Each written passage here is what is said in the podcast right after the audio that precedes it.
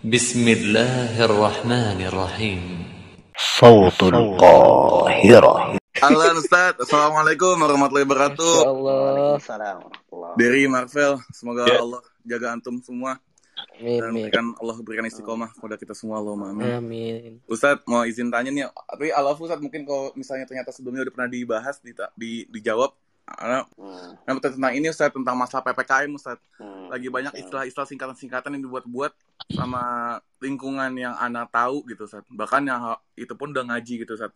Bahkan kayak seperti kayak pelan-pelan ke apa namanya istilahnya Val pelan-pelan makin miskin kayak gitu-gitu Iya. saat PPKM kayak gini.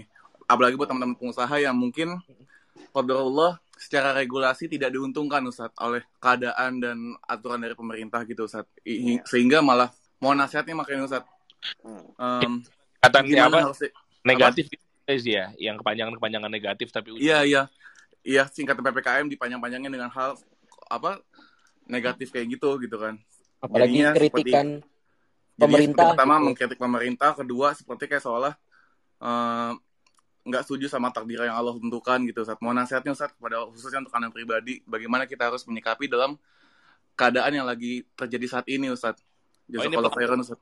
Miskin itu ya di Zi. Apa? Pelan-pelan kami miskin itu ya. Ya, iya iya iya, ya pelan-pelan pelan miskin ya. kami miskin Hmm. Ya dan dan, dan semacamnya gitu Ustaz. Iya, iya, iya. Pelan-pelan kita mati ada yang gitu juga ya. iya Iya, nauzubillah ya Allah Iya, ya. Ini sebetulnya bentuk bentuk dari salah satu informasi yang ada di internet ya. Maksudnya bentuk bahwa orang tuh dengan mudah untuk apa ya bisa berekspresi dengan adanya media sosial dan internet hari ini. Dan ini eh, ketika disuarakan oleh satu orang, ya ini tetap jadi sifatnya informasi juga. Informasi ini benar atau tidak? Ya pelesetan dari PPKM yang seharusnya. Yang mungkin banyak orang-orang juga memanfaatkan pelesetan ini untuk kepentingan marketing ya. Contohnya parfum para kaum manis yang dilakukan oleh adminnya adminnya ah official. Ya, ini kan Oh, maksudnya itu ya iya. Dan emang ini maksudnya ini ya ini eh, ngikutin arus aja kan gitu. Dan memang ikut rame-rame aja memplesetkan ini dalam kepentingan tertentu yang mungkin kepentingannya tidak bermadorot. Nah kalau misalnya tadi plesetannya ini bermadorot sesuatu yang disuarakan yang bahkan disuarakan ini tersirat dengan keluh kesah ya. Maka Allah Subhanahu wa taala berfirman innal insana khuliqa halu'a. Ya gitu. Bahwa apa? Bahwa manusia itu diciptakan dengan apa? Penuh keluh kesah. Memang ini sifat dasar manusia di antaranya adalah suka berkeluh kesah. Maka eh, keadaan hari ini semoga Allah Subhanahu wa taala menjadikan kita apa orang yang bisa menahan diri dari segala keluh kesah itu. Atau minimal ditahan ditahan ditahan. Jangan diekspresikan begitu luas atau bahkan apa ya mempengaruhi orang lain untuk mengekspresikan hal yang sama. Ini kan hal-hal ini booming karena memang ya banyak orang yang relate sih sebetulnya. Tapi kan ini hal yang eh, kita tidak sadari ternyata itu tadi berkeluh kesahnya berlebihan ya gitu melampaui batas sehingga bahkan menghilangkan ketawakalan kita gitu kan gitu. Menjadikan kita seolah-olah mengeluh atau eh, menitik beratkan bahwa keadaan ini adalah yang salah. Dan eh, karena ini juga terkait dengan eh, berita-berita yang ada dari pemerintah misalnya maksudnya berita informasi yang terkait dengan aturan pemerintah yang mana ini juga informasi ini kadang dimanfaatkan oleh sebagian orang di di eh, eh, ditarik ke konteks yang tidak diinginkan oleh yang semestinya gitu. Untuk mengompori kaum musliminnya gitu. Membakar keputusasaan orang-orang hari ini. Dibuat baranya yang lebih besar lagi dengan bagaimana mereka mengeluh bagaimana mereka tidak percaya dengan pemerintah atau orang-orang yang berwenang ya kan yang mana Allah Subhanahu wa taala memerintahkan kita untuk taat kepada mereka. Rasulullah juga mewasiatkan untuk taat kepada mereka. Tapi kita digiring untuk bagaimana kita mengeluh dengan keadaan ini dan menyalahkan keadaan dan menyalahkan orang lain. Maka apa? Maka sebagai seorang muslim kita tahu bahwa kita bertawakal kepada Allah Subhanahu wa taala gitu. Wa may yatawakkal 'ala Allah fahuwa hasbuh. Ya kan? Maka apa?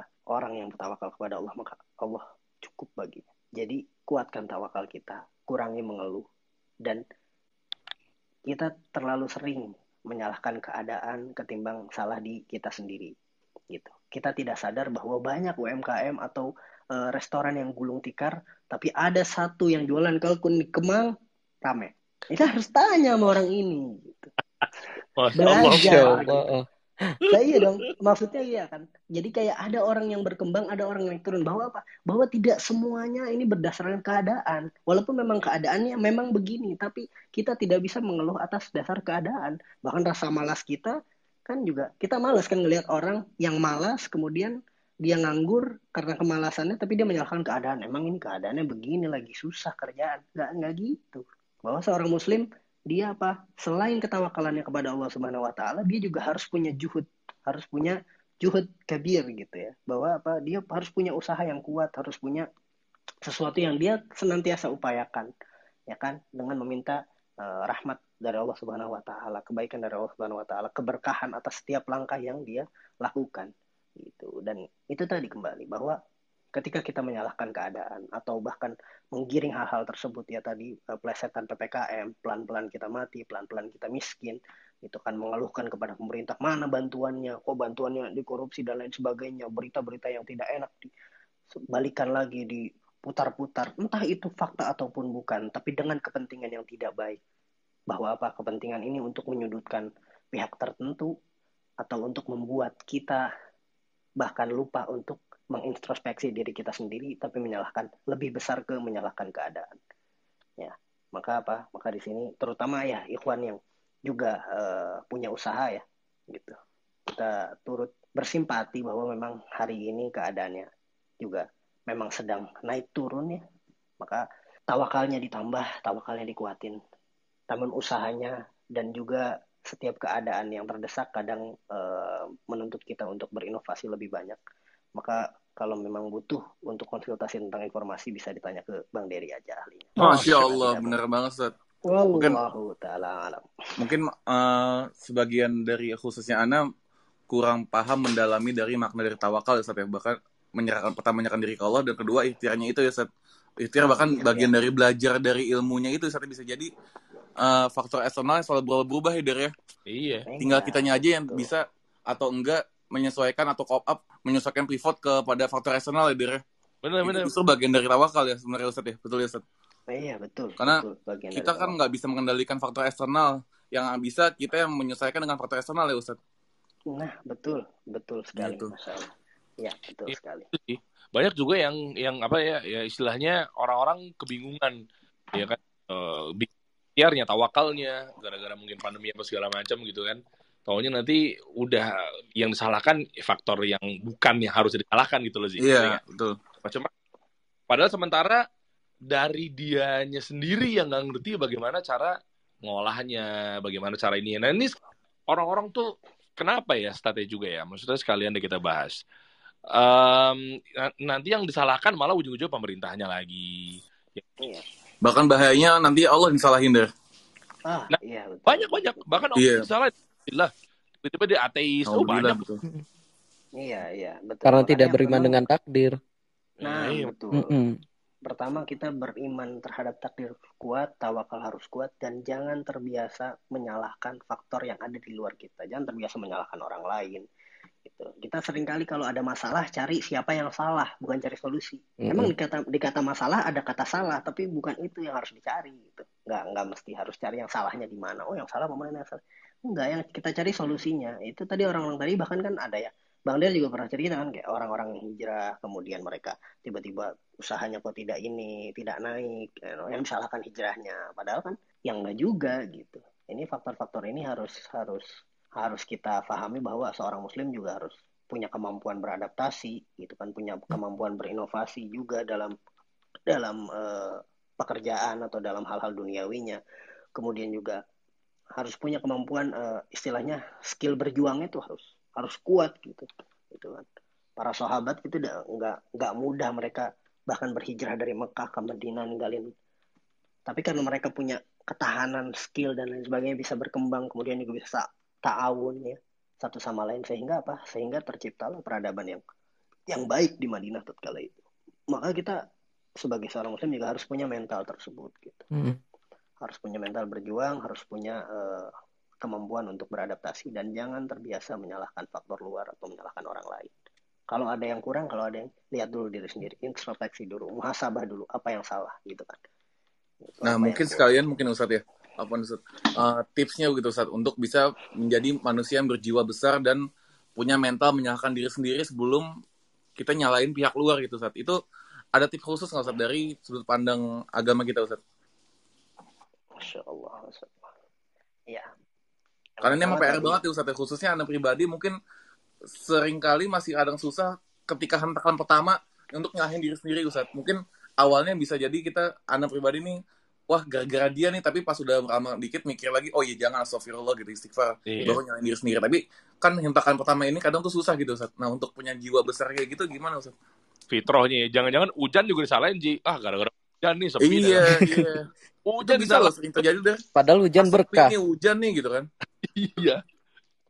Hujan disalahin, tanggal bukan tanggal 25 disalahin. Ah, tanggal 4 nih, ah tanggal 14 nih. Pantesan orang nggak ada yang beli. Jadi ke mana-mana. Iya. Karena teknik promosinya yang berantakan gitu loh, secara ikhtiar ya. Ya, kayak gitu gimana tuh, Stan?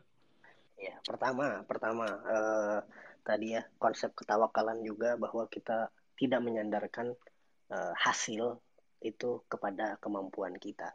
Ya, kita ingat bahwa Korun ya itu dia adalah orang yang sangat sombong, ya, yang sangat congkak, yang Allah tenggelamkan bersama harta-hartanya, ya, yang dia dengan congkaknya dia mengatakan apa? Utituhu ala ilmin andi.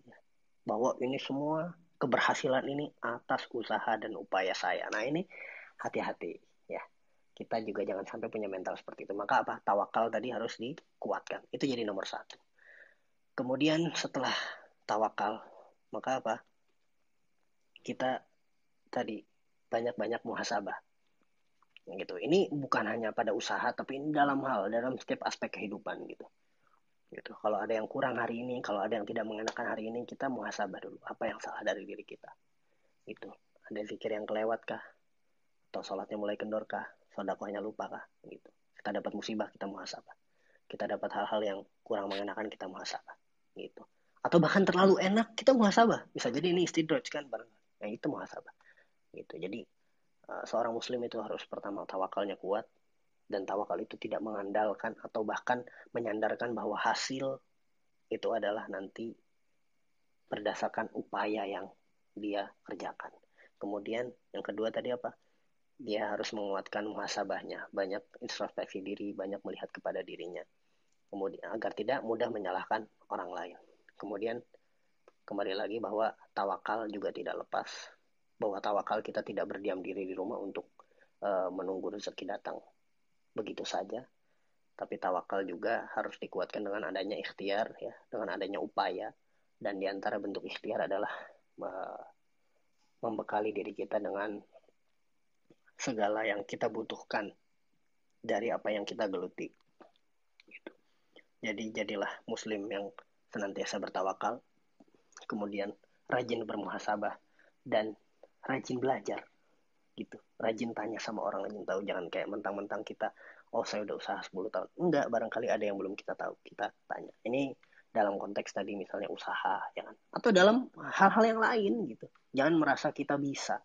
Jangan merasa kita sudah paling bisa dan sudah mungkin konteks belajar ini juga apa konteks tawasau gitu konteks uh, konteks meminta nasihat kepada orang lain gitu atau meminta wasiat, meminta diajarkan gitu. Jangan merasa ngerti sendiri, jangan merasa udah paling tahu sendiri, tapi barangkali ada ilmu-ilmu yang belum kita ketahui dari orang lain, hal-hal baik atau bahkan kita lupa untuk minta diingatkan kepada saudara kita. Maka ini jadi hal yang penting juga untuk bagaimana seorang muslim memiliki uh, mental yang baik dalam uh, menghadapi tantangan dalam kehidupan dunia dan akhirat insyaallah. Allah taala alam.